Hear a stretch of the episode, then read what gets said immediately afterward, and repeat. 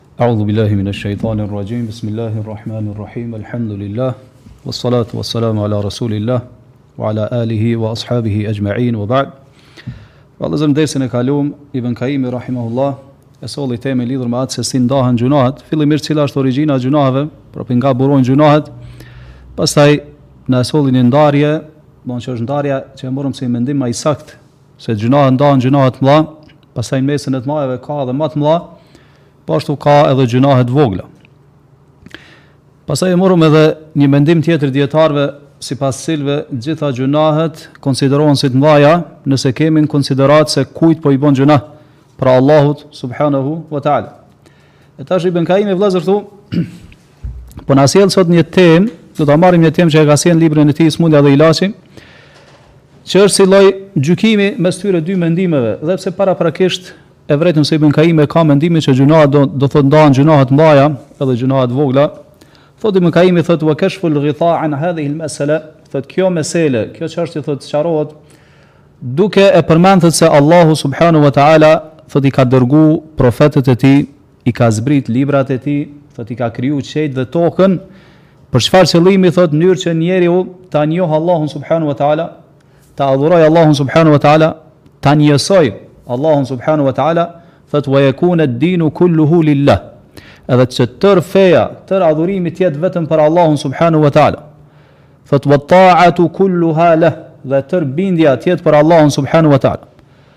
Wa da'watu lah, dhe që tërë lutja do thotë duaja t'i bëhet vetëm Allahut subhanahu wa taala.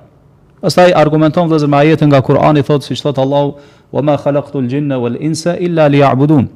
Xhinët dhe njerëzit Allahu i kam kriju vetëm që ata të më adhurojnë mua.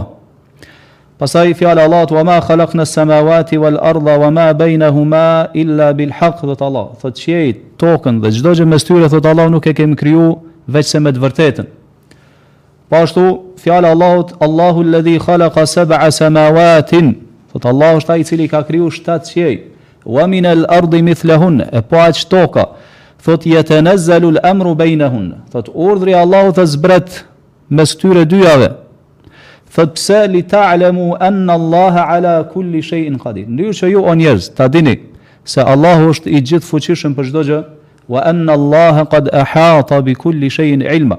Dhe se Allahu me dijen e tij ka përfshi çdo gjë. Po ashtu argumenton me fjalën e Allahut, do të thotë pasi që Allahu i përmend disa prej krijesave të tij, thotë dhalike, kjo është thotë li ta'lamu, që ta dini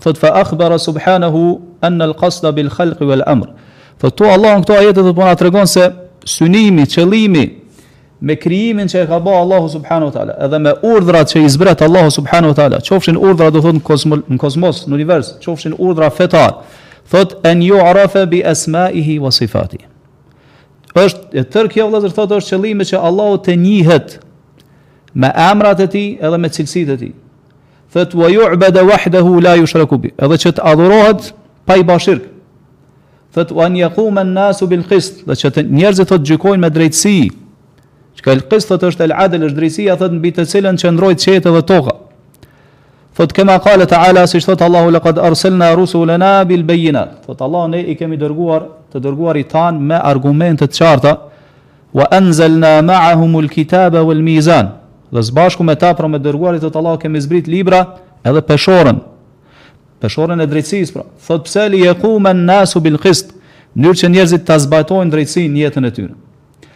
Kështu thotë vëllezër Ibn Kaimi thotë këto ajete thotë Allahu subhanahu wa taala po tregon se krejt profetët e tij thotë që i ka dërgu, librat thotë që i ka zbrit, thotë i ka zbrit që njerëzit të ta zbatojnë drejtësinë në mesin e tyre, të gjykojnë me drejtësi, thotë dhe drejtësia ma e madhe, thotë është tauhidi. Pra njësimi i Allahut subhanahu wa ta'ala me adhurim. Madje thotë tauhidi është koka e drejtësisë. Thotë edhe është boshti i drejtësisë.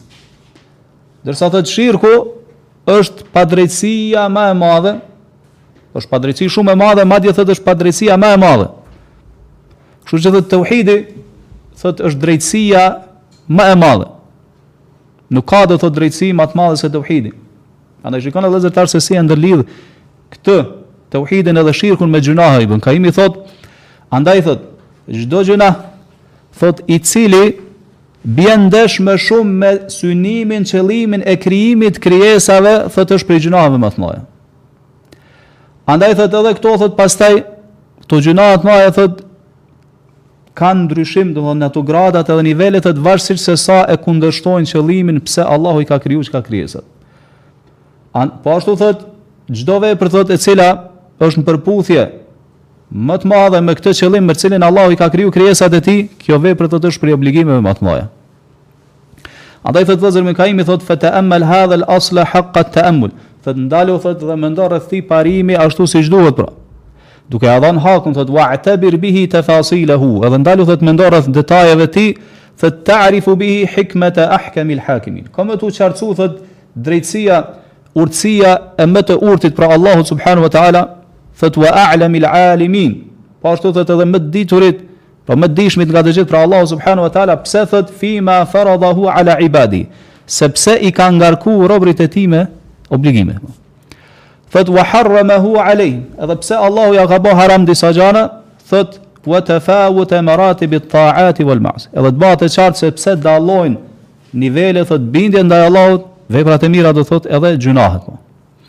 Vëllazër këtu Ibn Kaimi, rahimahullah, po na sjell një parim që është shumë i dobishëm, realisht është shumë madhështor, për me na tregu se gjynahet paskan dallim të madh mes vete. Pra kemi gjynahe vëllazër të mëdha, pastaj n'mesin e këtyre gjynaheve të mëdha ka gjynahe do thotë hala ma të mëdha, që janë më të mëdha e të mëdhajave. Pastaj kemi do thotë edhe gjynahe të vogla. Dhe këto vëllazër Ibn Kaimi rahimahullah, po thotë patjetër duhet fillimisht me kuptu Edhe me e ditë, edhe me e njoftë mirë cili është synimi i krijimit tonë, të ekzistencës tonë. Pse na ka kriju Allahu subhanu wa ta'ala? Pse Allahu do thot i ka zbrit librat? Pse i ka dërgu pejgamberët? Siç thot Allahu në një ajet tjetër, wa laqad ba'athna fi kulli ummatin rasula ani'budu Allaha wajtanibu at-taghut. Thot në çdo popull thot Allahu ne kemi dërgu nga një të dërguar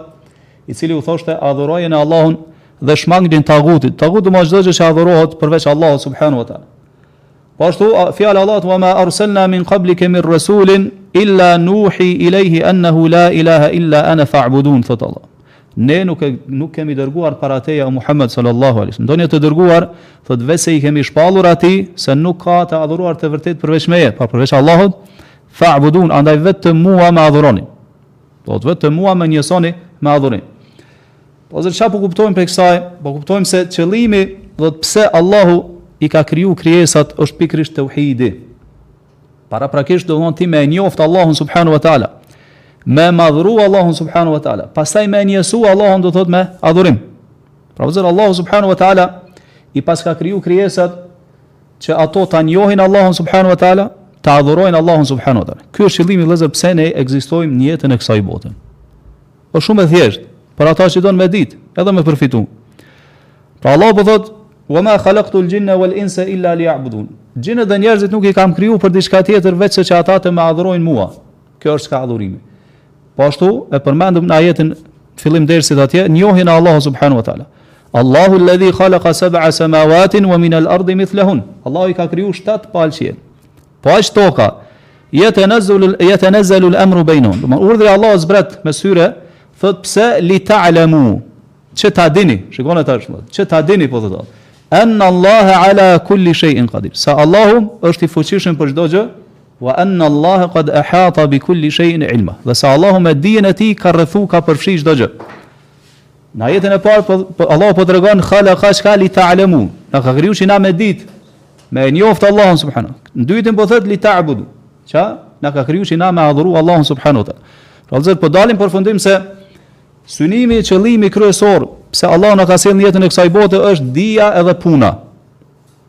El ilm wal amal.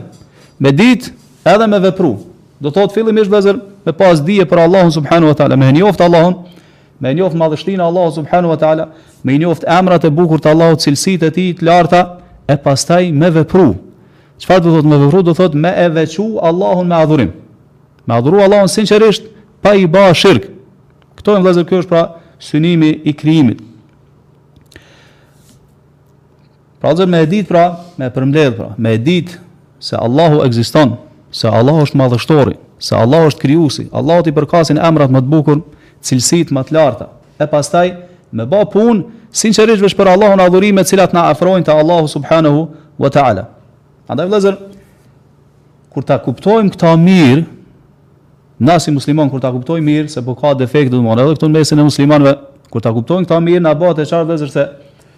Çështja më madhështore, absolutisht, do thotë nuk ka diçka më madhështore është tauhidi i Allahut subhanahu wa taala. Po që na me e veçu Allahun subhanahu wa taala.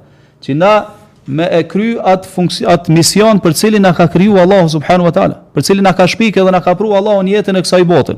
E që është do thotë me adhuru Allahun edhe mos me i ba shirk Allahut. Po ashtu na bëhet e qartë vëllezër se padrejtësia më e madhe Padrejtësia më e madhe, padrejtësia më e shëmtuar është ajo që bjen ndesh me këtë synim të krijimit. Që ishte pra dija me njoft Allahun edhe me veçu Allahun me adhurim e kush është ajo që bjen ndesh me këta është kufri vëllezër edhe shirku. Është kufri edhe shirku. Pra si dhe gjynahu më i madh që i bëhet Allahut subhanahu wa taala është shirku. Padrejtësia më e madhe është shirku që i bëhet Allahut subhanahu wa taala. Pastaj do të thotë, do thotë padrejtësia është nivele. Mirëpo jo nivele lart, domethënë është nivele poshtë. Ashtu siç veprat e mia do thotë veprat e mira shkojnë lart, veprat e këqija në mesin e cilave padrejtësia domethënë janë nivele mirëpo poshtë, Allahu na ruaj. Darakat, veprat e mira janë daraxhat, veprat e këqija janë darakat poshtë. E më e rrezikshme prej tyre është shirku.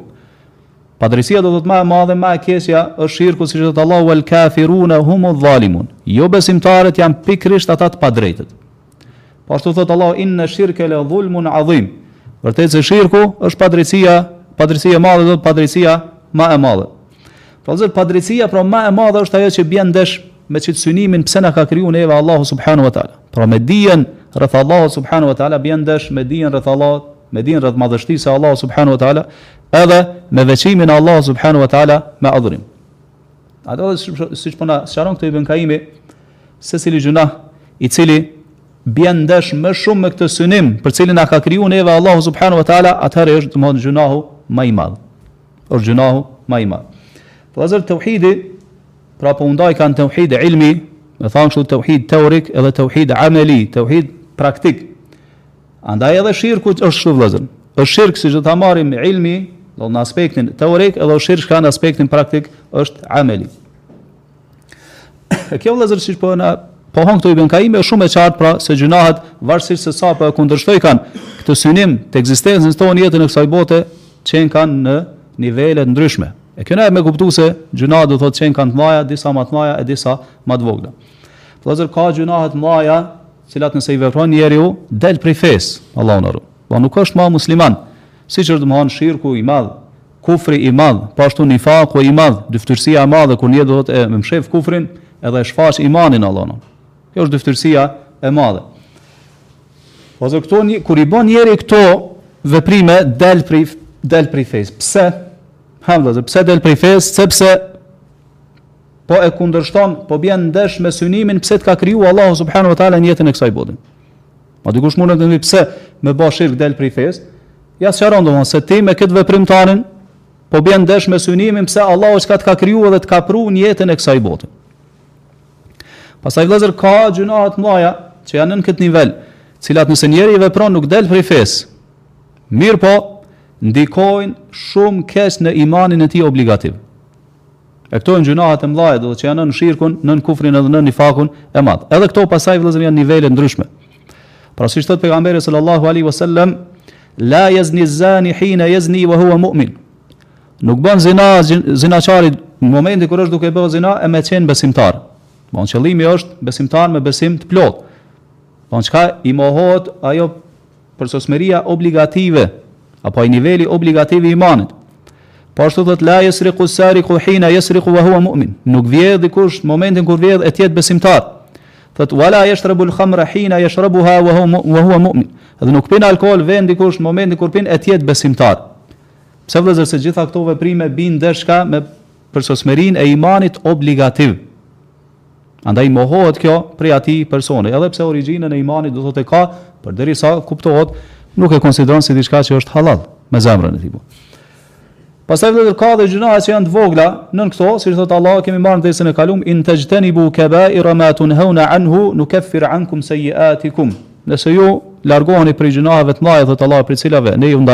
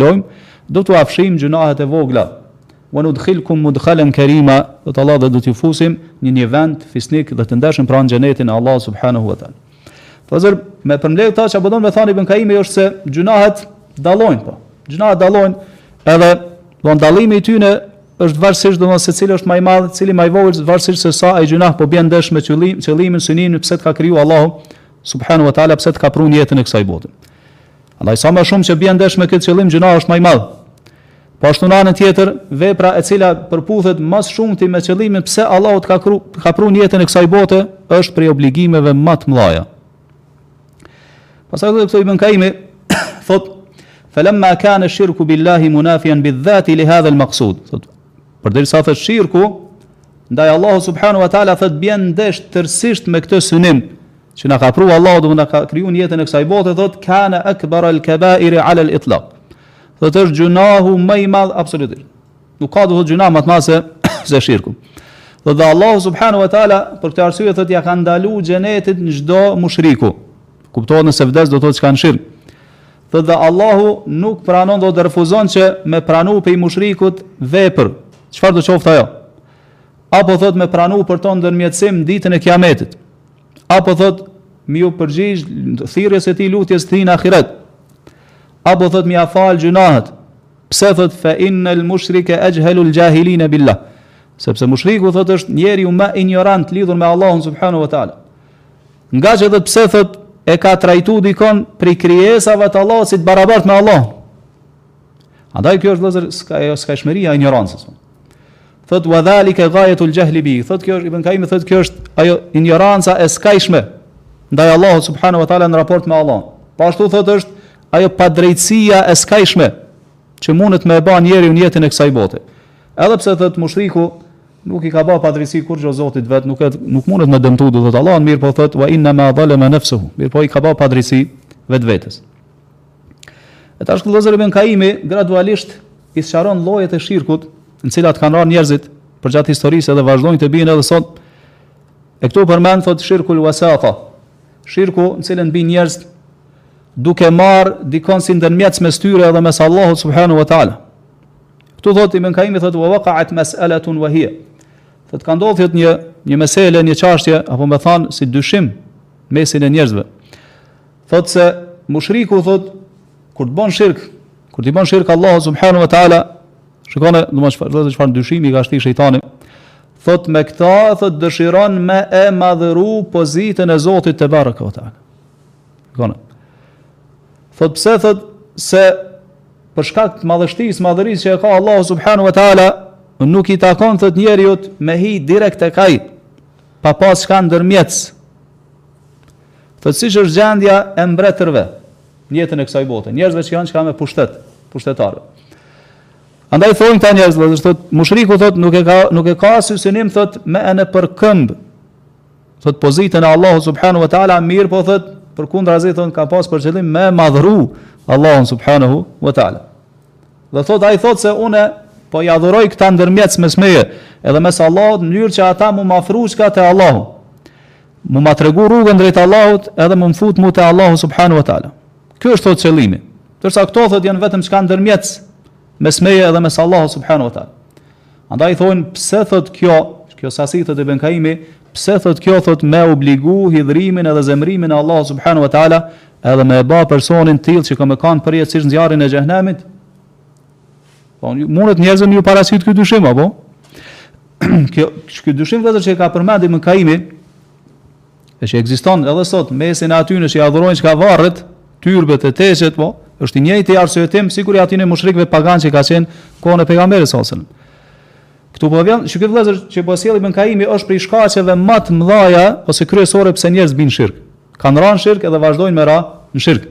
Qoftë në kohët e mahershme, qoftë në kohët e tashme. Pse vëllezër se shejtani i mallkuar ka hyrë tek njerëzit pikërisht përmes kësaj dere. Po i ka thirr njerëzit dhe i ka josh në mënyrë që ata me marr ndërmjetës mes tyre edhe mes Allahu subhanahu wa taala për shkak se ju ka thënë ju jeni gjunahçar. Qysh po hini te Allahu, domthon po e lutni direkt çka Allahun kur keni gjunahe, jeni të papastër me gjunahe, Merrni këta ndërmjetës domethënë që janë njerëz me pozitë, pejgamber, evlija, engjëj të Allahut. Edhe vendosni domethënë fillimisht paraqitjani këtyne kërkesën, pastaj ata kur ja paraqesin çka? Allahu subhanahu wa taala. Edhe qëllimi është që ju çka mu afru te Allahu subhanahu wa taala. Edhe Allahu ja pranon këta, pse se ata kanë pozitën te Allahu subhanahu. Mirëpo shikoni vëlla këta çka kanë bërë atar. Domethënë atë adhurimin që duhet me ja kushtu direkt Allahut ja u ka kushtu çka? Këtyre ndërmjetësve.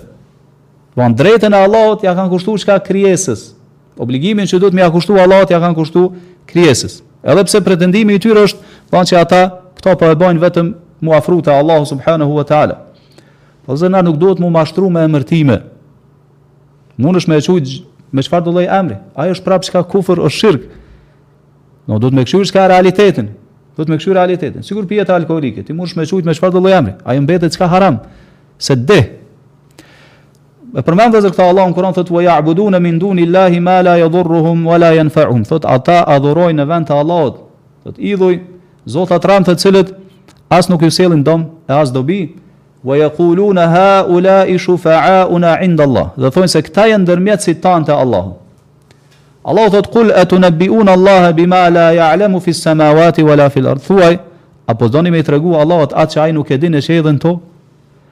Subhanahu wa ta'ala amma yushrikun. Domethënë i pastër dhe i lartësuar është Allahu nga ata që nga ajo që ata ja, ja shoqërojnë.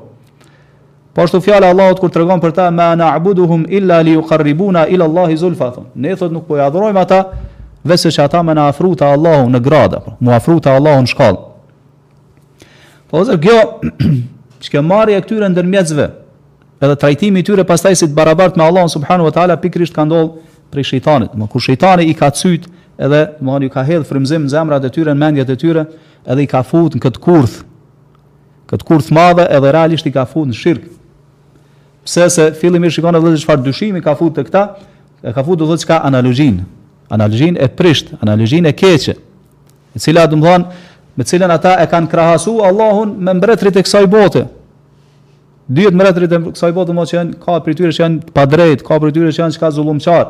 Këta domethënë kanë krahasuar Allahun me ta. Edhe kanë hamensu se ashtu sikur se mbretërit e kësaj bote nuk mundesh me hy, do thotë kështu direkt, edhe me ba kërkesën mirëpo duhet atë protokollin domthonë me ndjek, ashtu është edhe me Allahun subhanahu wa taala. Edhe kanë marrë shumë ndërmjetës mes tyre edhe mes Allahut subhanahu wa taala. Mirëpo, siç tham, pastaj kanë filluar dhe i kanë kushtuar, domethënë adhurime këtyre ndërmjetësve. Edhe kanë ra në shirk të madh. Edhe këto vëllezër janë adhurime që duhet me ju kushtu çka kujt, veç Allahu subhanahu wa taala. Si është nënshtrimi për ulja, dashuria, frika, respekti, domethënë këmbëngulja, lutja, kërkimi i shpëtimit, kërkimi i ndihmës, therrja e kafshës, gjitha këto janë adhurime që i kushtohen thotë vetëm Allahu subhanahu wa taala. Po vëllezër kështu shikoni shejtani pra i ka fut në shirk të madh edhe kanë ra pre e tina për çfarë aspekti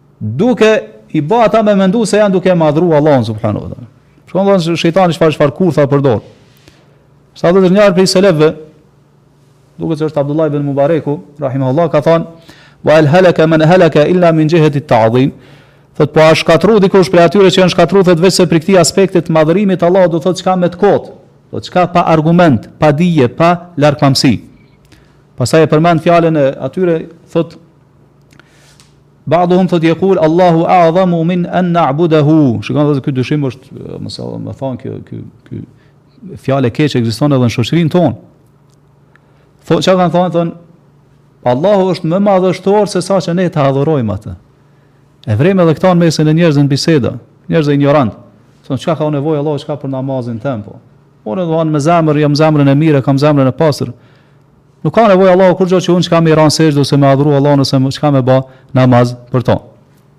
Kështu shikoni dhe si lun domethënë shejtani me këta njerëz, edhe i fut në shirk, edhe i fut çka në kufër.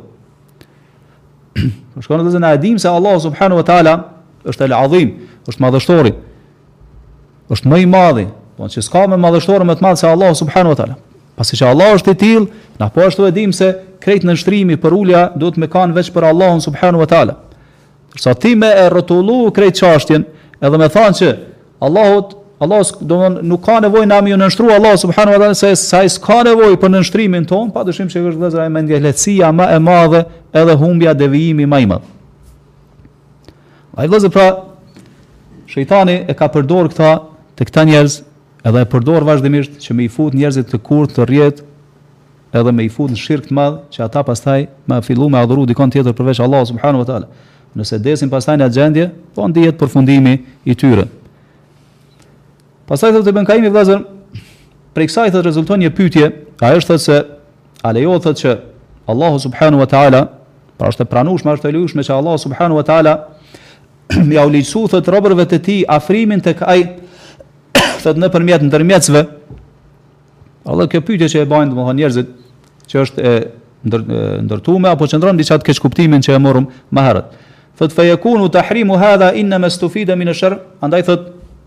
Ndalesën për këtë thotë e përfitojmë nga feja apo thotë kjo është diçka e shëmtume në natyrshmëritë e njerëzve edhe në mendjet e njerëzve.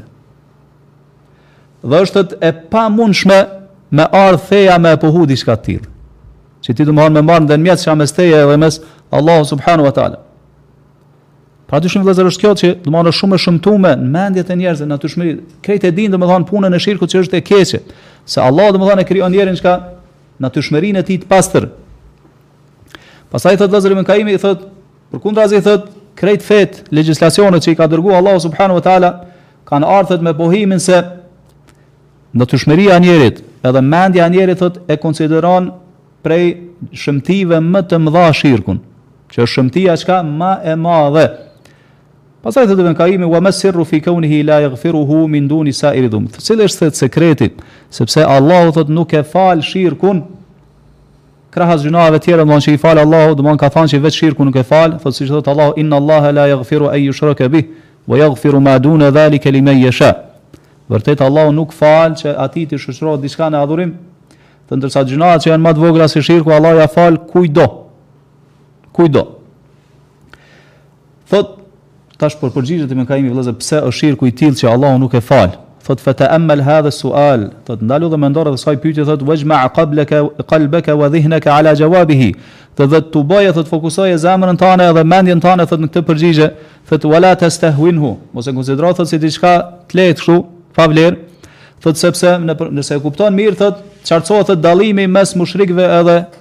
pasuesve të teuhidit, po ashtu thot të atyre që e njohin Allahun, mes atyre që e njohin Allahun edhe atyre që nuk kanë njohuri për Allahun janë xhahila, thot wa ahli al-jannah wa ahli an-nar. Edhe të qartësohet se pse një grup do të jenë në xhenet edhe një grup do të jenë në zjarr.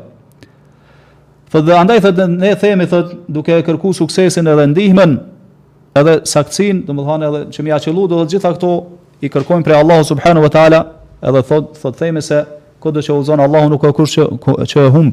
Dhe këdo që Allahu e lë në humbje nuk ka për të udhzues, thot wala mania lima ata, dhe nuk ka kush që e pengon atë që e jep Allahu subhanahu wa taala, edhe nuk ka kush që e jep atë që e pengon Allahu subhanahu wa taala.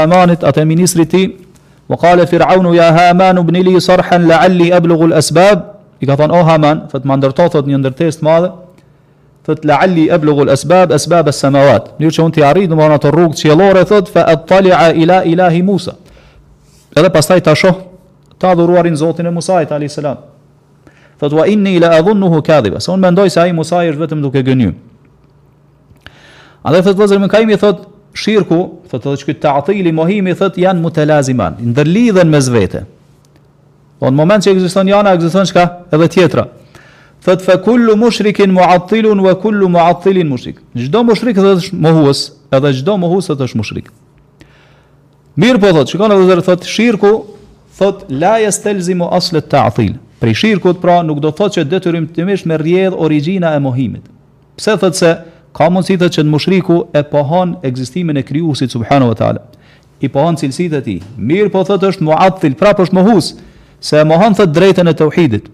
Nuk e veçon do thotë çka Allahun me me adhurim. Pastaj vëllezër Ibn Kajimi thotë se origjina e shirkut dhe, dhe parimi tek i cili kthehet i tërë shirku thotë është pikërisht tatil, është vëllezër mohimi.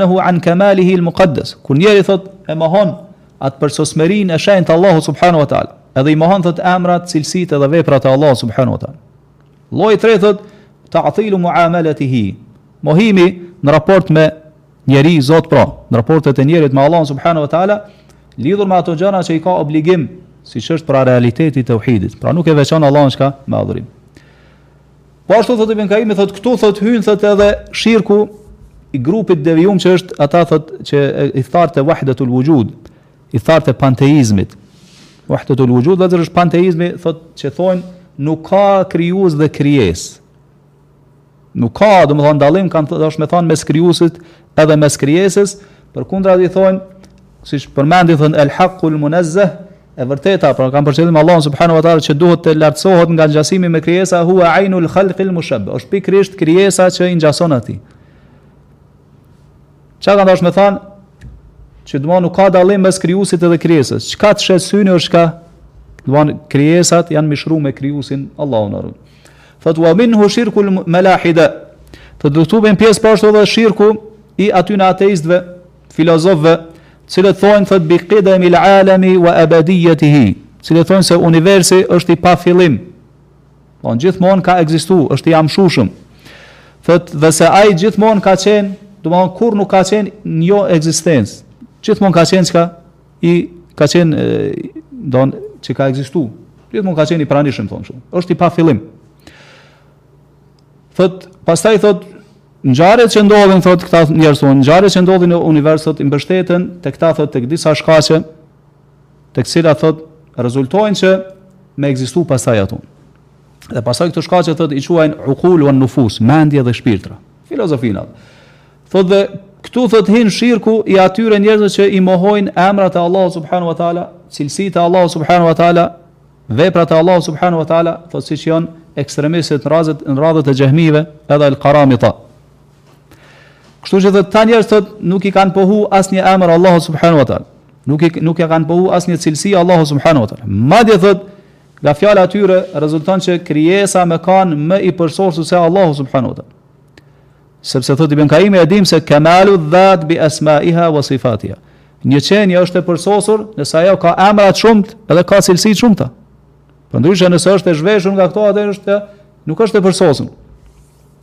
Vëllezër këtu Ibn Kajimi, tash po kalon në një detajizim tjetër, edhe që është edhe ky po shumë i rëndësishëm, edhe shumë i dobishëm për me na tregu se shirku pra është prej gjynaheve, pse është i tillë që Allahu nuk e fal, pse është domethan padrejtsia ma e madhe, pse është gjynahu ma i madh, pse është gjynahu që e shkatron njerin në këtë botë edhe në botën tjetër. E kjo vëllezër pa dyshim na bon neve si musliman me ditë që domethënë me ditë rëndësinë e kësaj edhe me i dhan rëndësi të madhe, me i kushtu vëmendje të madhe që me e njoft na shirkun vëllezër. Me njoft shirkun, me njoft llojet e shirkut, në mënyrë që të ruhemi prej tij, të kemi kujdes të mos biem në shirk apo në ndonjërin prej llojeve të shirkut. Se ti kur don m'u ruajt vëllezër prej diçka, duhet me pas dije. Po rujtja nga diçka degëzohet nga dija jote për to. Nëse s'ki dije, nuk mundesh m'u rujt. Qoftë ai shirku, qoftë gjynah çfarëdo qoftë. Po nuk ka mundësi me u rujt për diçka nëse ti nuk e njeh ata edhe nuk i dije rreth saj. Andaj vllezër pra duhet me pas një ambicie të madhe si musliman, edhe me e njoftë domethënë teuhidin, po ashtu me e njoftë shirkun, në mënyrë që me pas kujdes, mos me ra në shirk, në veçanti vllezër, kur e dim se në çfarë kohe po jetojmë, domethënë kur ka prishës të fesë, në thojza domethënë, fesë islame, që e kanë deviju vetveten, edhe i devijojnë masat, Po i thirrin çka? Në dalalet, i thirrin në gjana të kota, i thirrin në shirk, i thirrin në kufër, domethënë ua hijeshojnë kufrin dhe ua hijeshojnë shirkun. Edhe kanë hyrë tek masa e thjeshtë, domethënë e njerëzve, edhe tek injorantët në mesin e muslimanëve, edhe jau kanë ngatrru fenë. Nuk po dinë ma çka është shirk, çka është tauhid, çka është bidat, çka është çka sunet. Edhe kështu vllezër u ban shkak që njerëzit pastaj me ra në lloje, forma në pamje të ndryshme të shirkut. Edhe të mohimit, ndaj Allah subhanahu wa ta'ala. Duke e shfrytëzu gjithashtu vllezër ignorancen e njerëzve. Edhe paditurinë e tyre në lidhur me shirkun. Edhe me atë se çfarë rreziku ka shirku. Andaj prej obligimeve pra ma të mdhaja në këtë kohë është që na me e njoftë teuhidin edhe me njoftë shirkun. Në mënyrë që me pas kujdes mos me ra Gjana të tilla nuk do thot vllezër që ti me i ditë detajisht gjanët, ashtu siç i dinë për shembull dijetarët, mirëpo mjafton ajo dituri e cila, me anë të cilës ti, mundesh me u rujt mos me ra në shirk, në mënyrë që mos me t'i asgjësu veprat Allahu. Shikoni vllezër, Allahu thot në Kuran, wa kadhalika nufassilu al-ayati wa litastabina sabilu al-mujrimin. Thot Allahu kështu ne thot i shpjegojmë në mënyrë të detajuar argumentet tona, thot në mënyrë që të qartësohet rruga e kriminelëve, e zullumçarëve.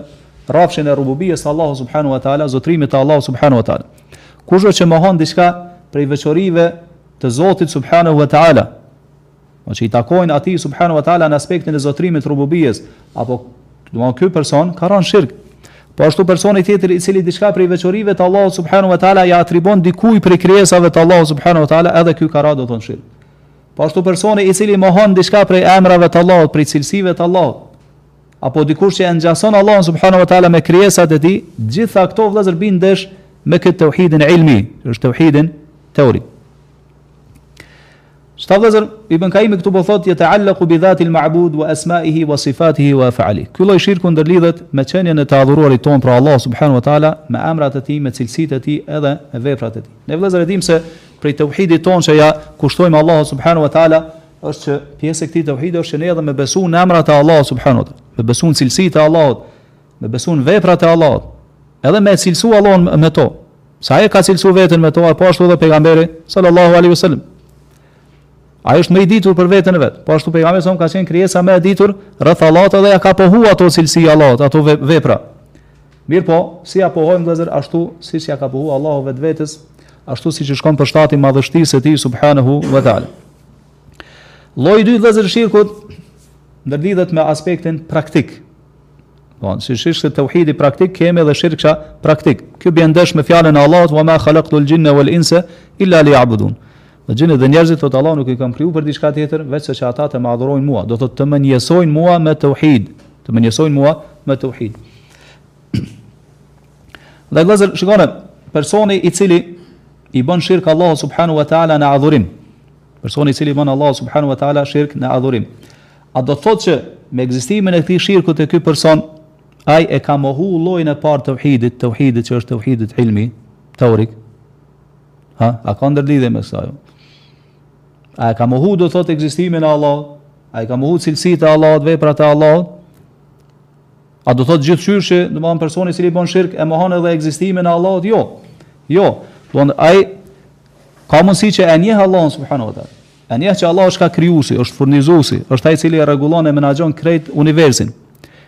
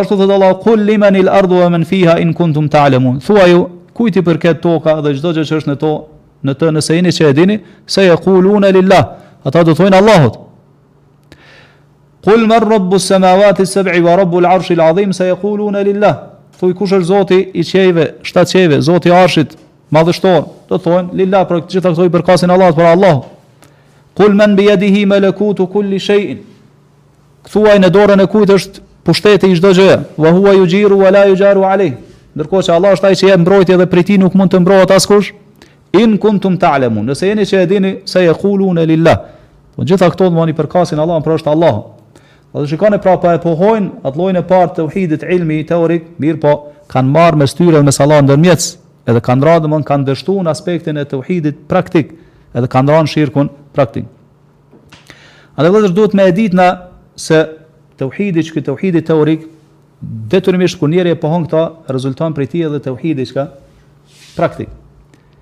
Domethënë ki obligim me e pohu edhe tauhidin praktik. Apo me thanë, nëse e pohon tauhidin rububie, patjetër duhet me e pohu edhe tauhidin uluhie.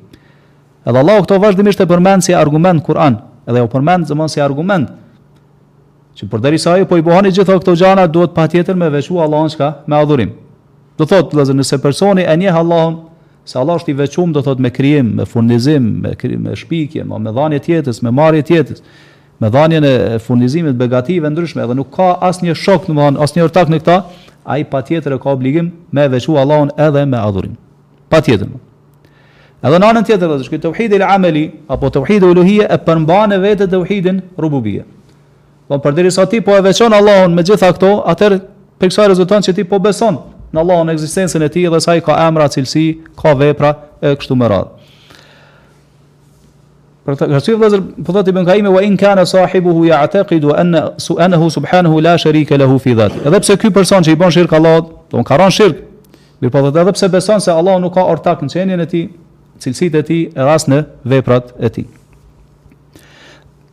Shkon edhe në këtë shirkun el ameli, siç tham, njëri mundet me ra edhe nëse do të thotë e njeh Allahun subhanahu wa taala, edhe din se Allah do të thonë nuk ka shok.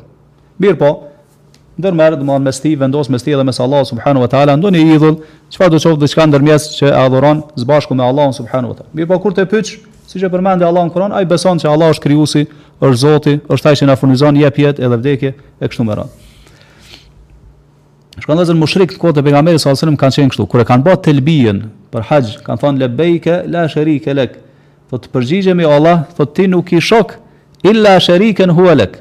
Me përjashtim të atij shoku që domethënë, është, ekziston domethënë, ose që na ta kemi caktu ty, thot temlikuhu ue ma melek. Mirëpo prapë shikone, e kanë po u kanë thonë cilin ti e posedon dhe çdo gjë që ai ka. Po. Prapë e kanë kthy çështjen çka te Allah, subhanahu, wa ta'ala. Don kan thon ti o Allah e posedon çdo gjë. Edhe atë që na adhurojna së bashku me ty, ndërsa ai nuk nuk posedon kurrgjë. Shkon do të thotë Allah thot, wa ma ju'minu ektharuhum billahi illa wa hum mushrikun. Thot, shumica e atyre thot nuk i besojnë Allah ndryshe veç se duke i ba shirkë Allah.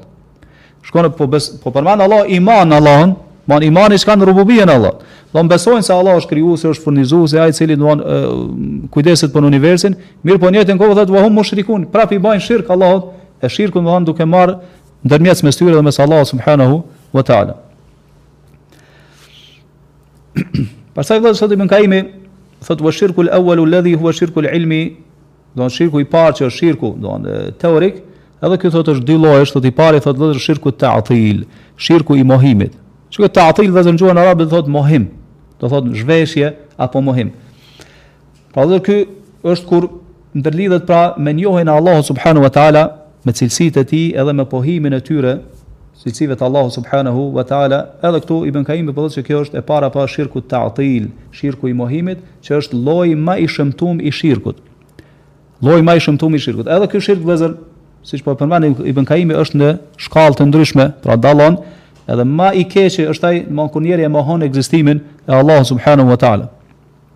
Ja ka thënë wa ma rabbul alamin.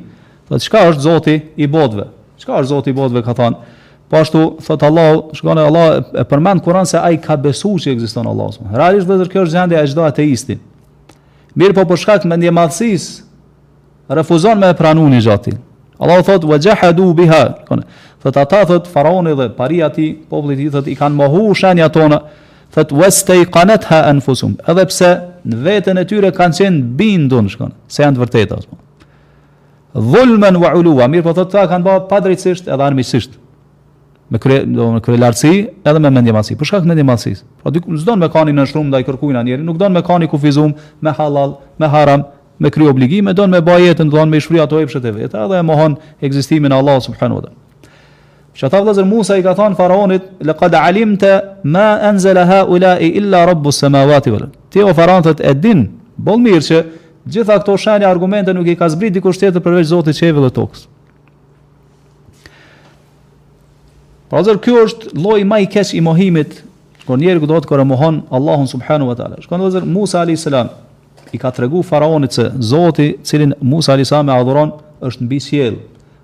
është, do thonë, ka qëndron mbi arsh, ashtu siç i përket madhështisë së tij.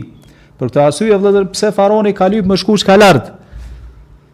Se ka ditë se Musa i ka treguar se Allahu është mbi qiell, edhe është mbi arsh. Kjo ka qenë akidja e krejt profetëve. Për çfarë i ka thënë atij ministrit vet faraoni ka thënë ndërtoma një ndërtesë madhe që un mund ngjit lart. Edhe me pa a është përnjëmend Zoti Musës apo jo. Pastaj thotë Ibn Kaimi thotë wa shirku wa ta'tilu mutalaziman. Thotë shirku edhe ky mohimi thotë janë ndërlidhura mes vete thotë kush i çdo mushrik është muatil edhe çdo muatil është mushrik. Do thotë vëllezër shikoni sikur mohimi, sikur shirku e sjellin njani tjetrin. Do thotë në moment që ekziston ky mohimi, ka me ekzistu edhe shirku, në moment që ekziston shirku ekziston edhe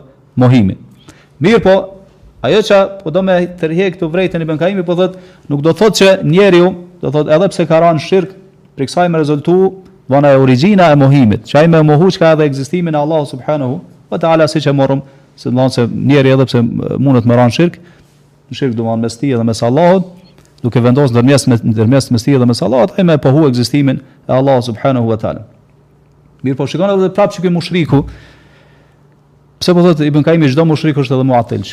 Domethënë ky nuk po e mohon ekzistimin e Allahut, mirëpo a ka ta'til te ky njeri a jo, mushriku. Domethënë që ka ranë shirk tash. Ky nuk po e mohon ekzistimin e Allahut, mirëpo ka ba domethënë shirkun, shirkun ameli. A ka ra edhe ky në ta'til mohim?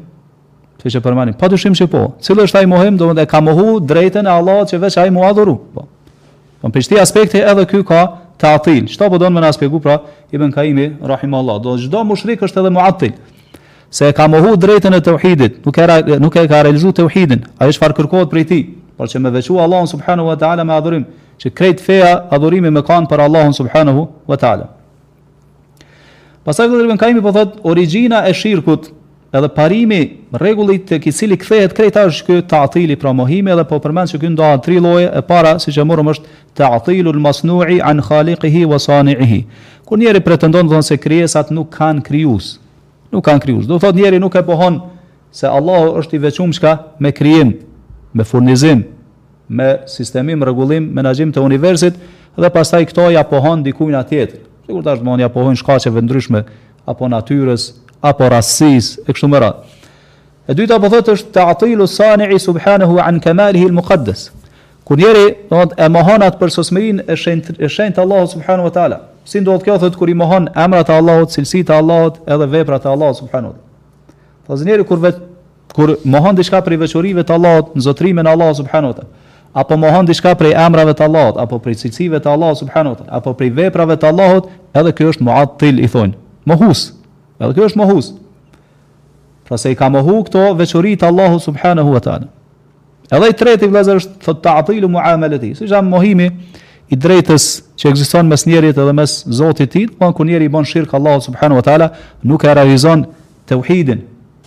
Nuk e veçon do thotë Allahun me adhurim. Pasaj vetë Ibn Kaimi, i ka përmend ata që e kanë këtë akiden ma të keqe që ekziston në fytyrën e tokës, që është wahdatul wujud, panteizmi. Do të thotë të cilët domethënë nuk bajnë dallim mes krijesës edhe mes krijuesit. Po thonë çkado që sheh është çka Allah, Allahu na rujt. Po thonë, domethënë, Allahu është mishru që ka në krijesat e veta. Kjo është akidja vlezër ma e keqe që egziston edhe që ka egzistu gjatë historisë së njerëzimit. Sepse prej kësaj vlezër bahet prishje e madhe në besimin e njerëzve. mënyrën se si ata pasaj i afrohen Allahut subhanahu wa ta'ala. Kjo është kufri, domethënë mohimi ma i keq që mundet me pas njeriu si besim në zemrën e tij Allahu na rujt. Vlezër, Njerëz që e kanë këtë këtë besim të prishur janë prej njerëzve ma të devijum. Se kjo bjen ndesh domethënë edhe me logjikën e shëndoshë. Po. Mirëpo shikoni vëllezër në çfarë gjendje i ka pru shejtani. Se si i ka largu prej Allahut subhanahu wa taala, i ka largu prej fesë së Allahut subhanahu wa taala, i ka largu prej të vërtetës me të cilën Allahu mesazhin që i ka dërgu profetët e tij edhe i ka zbrit librat. Pastaj ka përmend vëllezër këtu, domthonë mendimin e filozofëve që bën pjesë edhe në këtë shirkun e ta'tilit, domthonë ata që pretendojnë se edhe ka të tillë edhe ende që thonë domthonë se universi është çka i pafillim, edhe ka me vazhdu do thotë me ekzistu kështu, është i pafillim. Edhe ka përmend se domthonë se si mendimin e tyne se si vjen deri tek tek ndodhitë ngjarjet e kështu me radhë. Shkon dhe këtu Ibn Kaimi pastaj, ajo që më na intereson më shumë këtu është çështja e atyre gulatul jahmiya wal-qaramita, ekstremistët në radhët e jahmive edhe karamitëve, që kanë mohu do thot emra tërësisht, çdo emër të Allahut subhanahu wa taala edhe çdo cilësi të Allahut subhanahu wa taala. Shkon dhe çfarë njerëz janë këta, thon nuk ia kanë pohu Allahut asnjë emër edhe asnjë cilësi.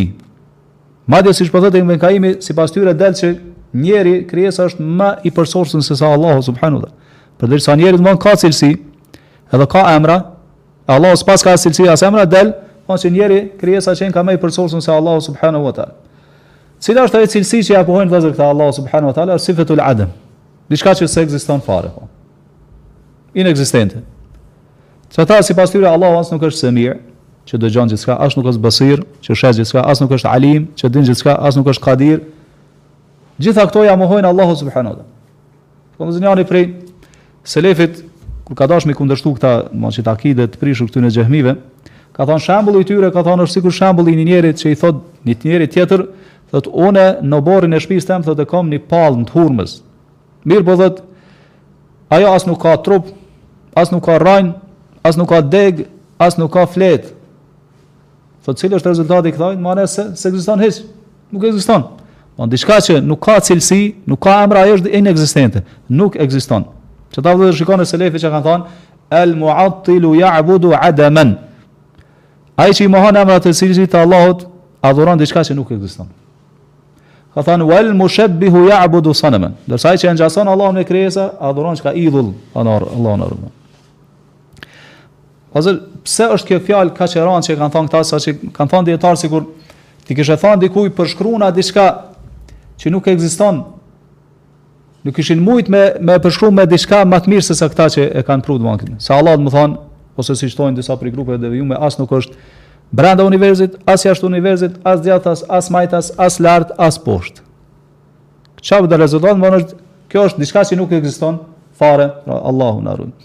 Pazër Po përmend këtu Ibn Kaimi se këta njerëz realisht thotë krijesën e kanë trajtu si ma të përsosur se sa vetë krijuesin, ngaqë ky është parim shumë i rëndësishëm thotë kemalu dhat bi asma'iha wa sifatiha. Përsosmëria e një qenie thotë është si rrjedhojë e emrave që ajo i ka edhe cilësive. Andaj thotë nëse mohohen emrat edhe cilësitë, padyshim që kjo është mohim edhe i qenies.